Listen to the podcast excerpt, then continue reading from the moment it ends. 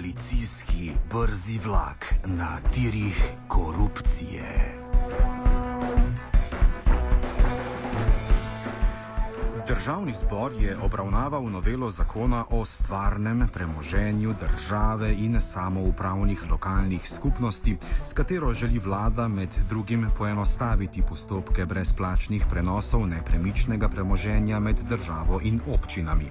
Državni sekretar na Ministrstvu za pravosodje in javno upravo Helmut Hartmann je na predstavitvi novele na matičnem parlamentarnem odboru pojasnil, da je precej nepremičnin, ki se ne uporabljajo, uporabljajo in so za državo strošek, z njihovim prenosom na občine pa bi lahko spodbudili lokalno gospodarstvo.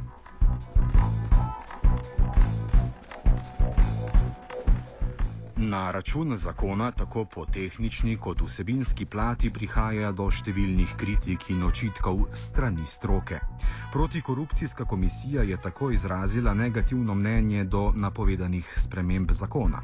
Tehnična kritika leti na neprimerno uporabo hitrega zakonodajnega postopka. Hitri zakonodajni postopek naj bi se uporabljal le v primeru preprečevanja težko popravljivih posledic za delovanje države, čemur pa pri dotičnem zakonu ni zadoščeno. Prav tako niso bili upoštevani roki za mnenja stroke in javnosti.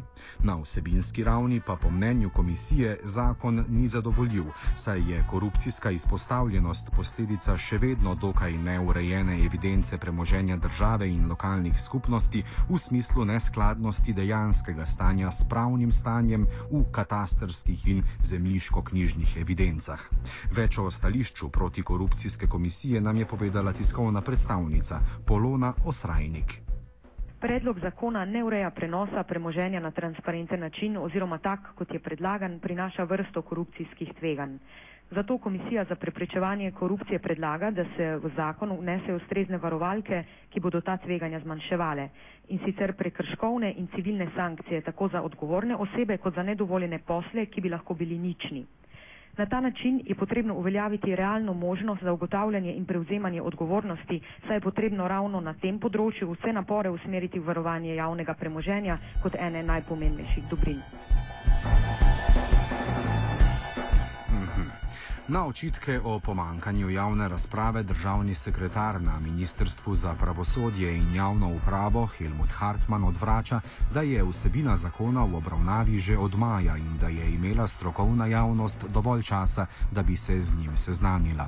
Povdaril je tudi, da Združenje občin Slovenije na vsebino zakona ni imelo nobenih pripomb.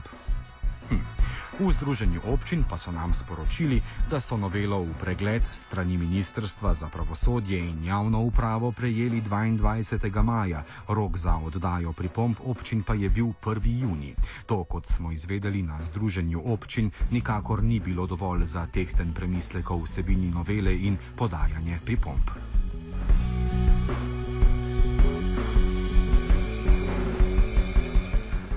Danes je v parlamentu potekala obravnava zakona, jutri pa se bo glasovalo. Zaenkrat se govori o široki podpori noveli strani poslancev različnih strank.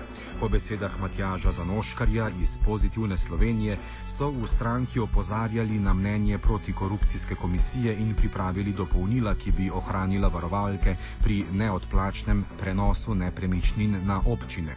Mirko Brulc iz socialnih demokratov je opozoril na nesmotrno uporabo hitrega postopka, vendar bo kljub izraženem nestrinjanju stranka novelo podprla.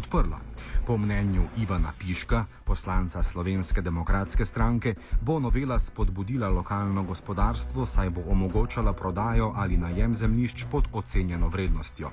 Mhm. Novelo podpirajo tudi druge koalicijske stranke, si pa poslanka Desusa Marjana Kotnik Poropat želi dodatna pojasnila glede opozoril proti korupcijske komisije.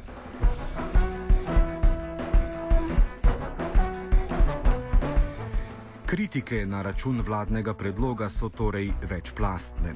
Novela se obravnava po nujnem postopku, kar je po mnenju tako protikorupcijske komisije kot računskega sodišča in organizacije Transparency International neprimerno in škodljivo, saj gre za zelo pomembno pravno materijo z dolgoročnimi posledicami. Simona Habič, predsednica Transparency International Slovenija, opozarja tudi na nekatere zaveze predstavnikov vladajoče koalicije. Predvsem pa nas je zbegala zaveza predsednika državnega zbora, gospoda Viranta, da se zakoni ne bodo sprejemali po nujnem in hitrem postopku. Ob tem naj povdarim tudi to, da razlogov za nujni in hitri postopek tokrat sploh ni bilo navedenih. Tudi predsednik računskega sodišča Igor Šoltes opozarja na neprimeren postopek sprejemanja takšne zakonodaje narobe je ja, to, da pravzaprav ni nekega posluha za javnost, predvsem za strokovno javnost, pa seveda tudi za javno razpravo, ampak ta model, ki se zdaj sprejema, to je pa seveda že v nevarnost spravlja celotno pravno državo. Govorimo o tem, da se večina zakona sprejema po neporednih postopkih, ne glede na to, da gre za izjemno pomembne uh, materije, pa še to ne, mi nismo v vojnem stanju.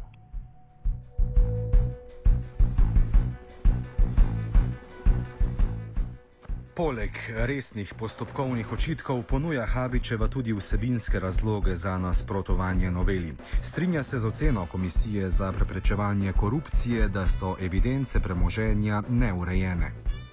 Tako da v bistvu so zadeve zelo resne, predvsem tudi zaradi tega, ker ni vzpostavljene jasne evidence nepremičnin. To se pravi, država ne ve, kaj ima v lasti in tudi občine morda vedo, kaj imajo v lasti, če pa ne vedo, oziroma če tudi vedo, pa te nepremičnine niso upisane v ustrezne registre. To pomeni, da bi, če bi ta zakon začel veljati v naslednjih petih letih, lahko, oziroma po obdobju petih let, lahko uh, nekdo uh, prodajal nekomu mačka v žaklju, oziroma javnost do, dostopa do informacij, katera nepremičnina, za kakšen denar in na kakšen način, ali je to transparentna prodaja ali ne, ne bi imela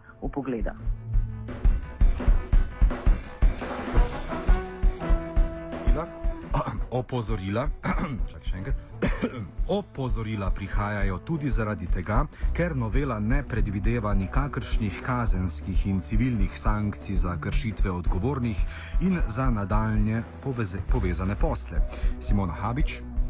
Gre za nepopravljive posledice, eh, če bi ta zakon sprijeli oziroma potrdili, ker bi omogočal zelo visoka tveganja za pojave korupcije gre za to, da v bistvu, da bi država lahko na tak način omogočala neodgovorno porabo javnega denarja in nepremičnin, katere smo vsi davkoplačevalci so oblikovali.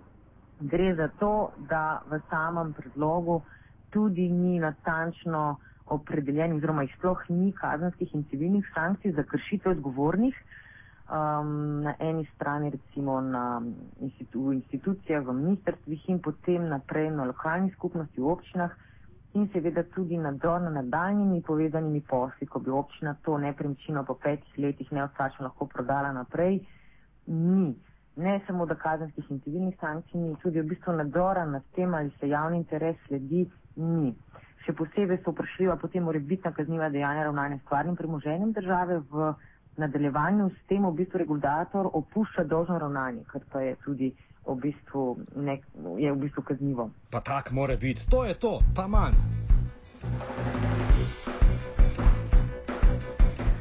Predsednik računskega sodišča Šoltes pogreša možnost sankcij že v sedanji ureditvi. Mi, ko smo delali revizijo stvarnega razpolaganja stvarnim premoženjem treh mestnih občin, kljub številnim nepravilnostim, ki smo jih ugotovili, nismo mogli storiti praktično nič, ravno zaradi tega, ker ni sankcijskih določb. Ali je to namerno ali ne, je drugo vprašanje. To. Pomisleke poraja tudi lahkotnost prehajanja državnega in občinskega premoženja, recimo nepremičnin v zasebne roke. Habičeva pojasnjuje.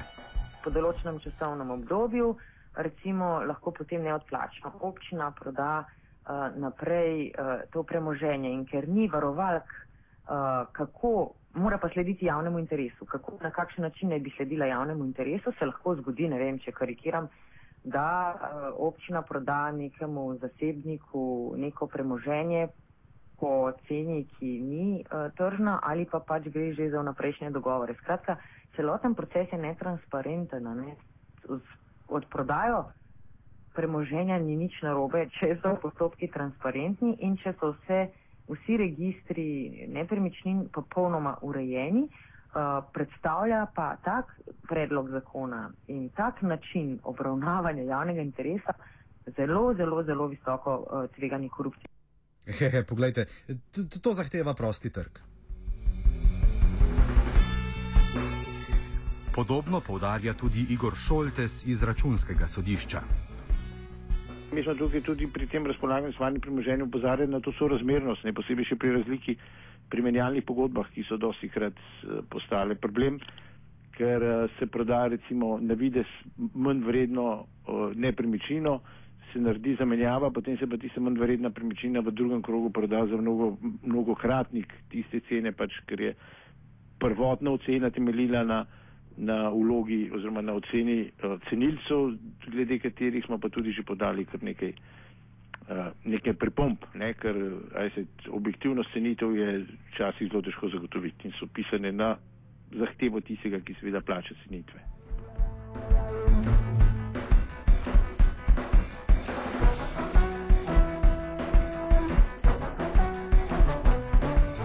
Glede na to, da bo novela na jutrišnjem glasovanju najverjetneje potrjena, se poraja vprašanje, kako lahko poslanci tako lahkotno in ekspresno ignorirajo stališča in opozorila organov, kot sta protikorupcijska komisija in računsko sodišče, govori Igor Šoltes. Jaz sem pripričan, da se bo še kovcalo, mogoče se niti še ne zavedajo, kaj bodo sprejemali. Predvsem iz tega stališča, ker uh, Ali te zakone seveda ne moramo spremeniti vsak dan. Ne? In vsaka sprememba mora biti tehtno in trdno uh, premišljena. Ta sprememba se mi zdi, da je pa kar, uh, rekel, kot brzi vlak, ne? hitri vlak prišla uh, mimo, brez da bi se resnično lahko rekel, poglobili in tudi opredelili do, do teh vprašanj. Ne? To je ta, ta problem. Ne? In tukaj je treba v resnici iskati skrito kauzo, zakaj tako hitro, zakaj na tak način, zakaj brez sankcij. Ne? To je pa lahko tudi retorično vprašanje, če se jim zaključuje. Ja, ker drugače ne gre, drugače ne gre. Moramo na hitro, na Aufbix, da so eh, rezultati vidni. O morebitnih razlogih za ignoranco poslancev se je razgovorila tudi Simona Habič iz Transparency International Slovenija. Glejte, vsak ima zdravo pamet, ne? Um, In zdrava pamet v tem konkretnem primeru narekuje, da je zadeva neprimerna za potrditev. In če vsakdo, ki je sposoben uh, gradiva pregledati in če ugotovi nepravilnosti, gre za vsebine odloka, ker nepremičnine sploh niso upisane v zemljiško knjigo ali so recimo številke popolnoma neustrezne ali oznake popolnoma neustrezne. Če bi nekdo vzel dva primera iz tistih evidenc bi mu bilo jasno, da nekaj ni v redu in po zdravi vesti in po zdravi pameti in po lastni integriteti bi na to moral kot poslanec upozoriti. Prva stvar je neznanje poslancev ali da se nočejo poglobiti v zadeve, še posebej takrat, kad gre za javni interes, o ideologiji pa ne bom sodila. Je pa res, da očitno ima politika velik interes in da poslanci ne zastopajo interese davkoplačevalcev, ampak politične in zasebne interese nekje v bližnji prihodnosti. Ja, poglejte, no, kaj ti pa bo zdrava pamet, če si na oblasti? Offside sta pripravila Boris Vasev in Anže Kožuh. Čakaj, boš dal se že, že, že, že, že reklamo? Okay.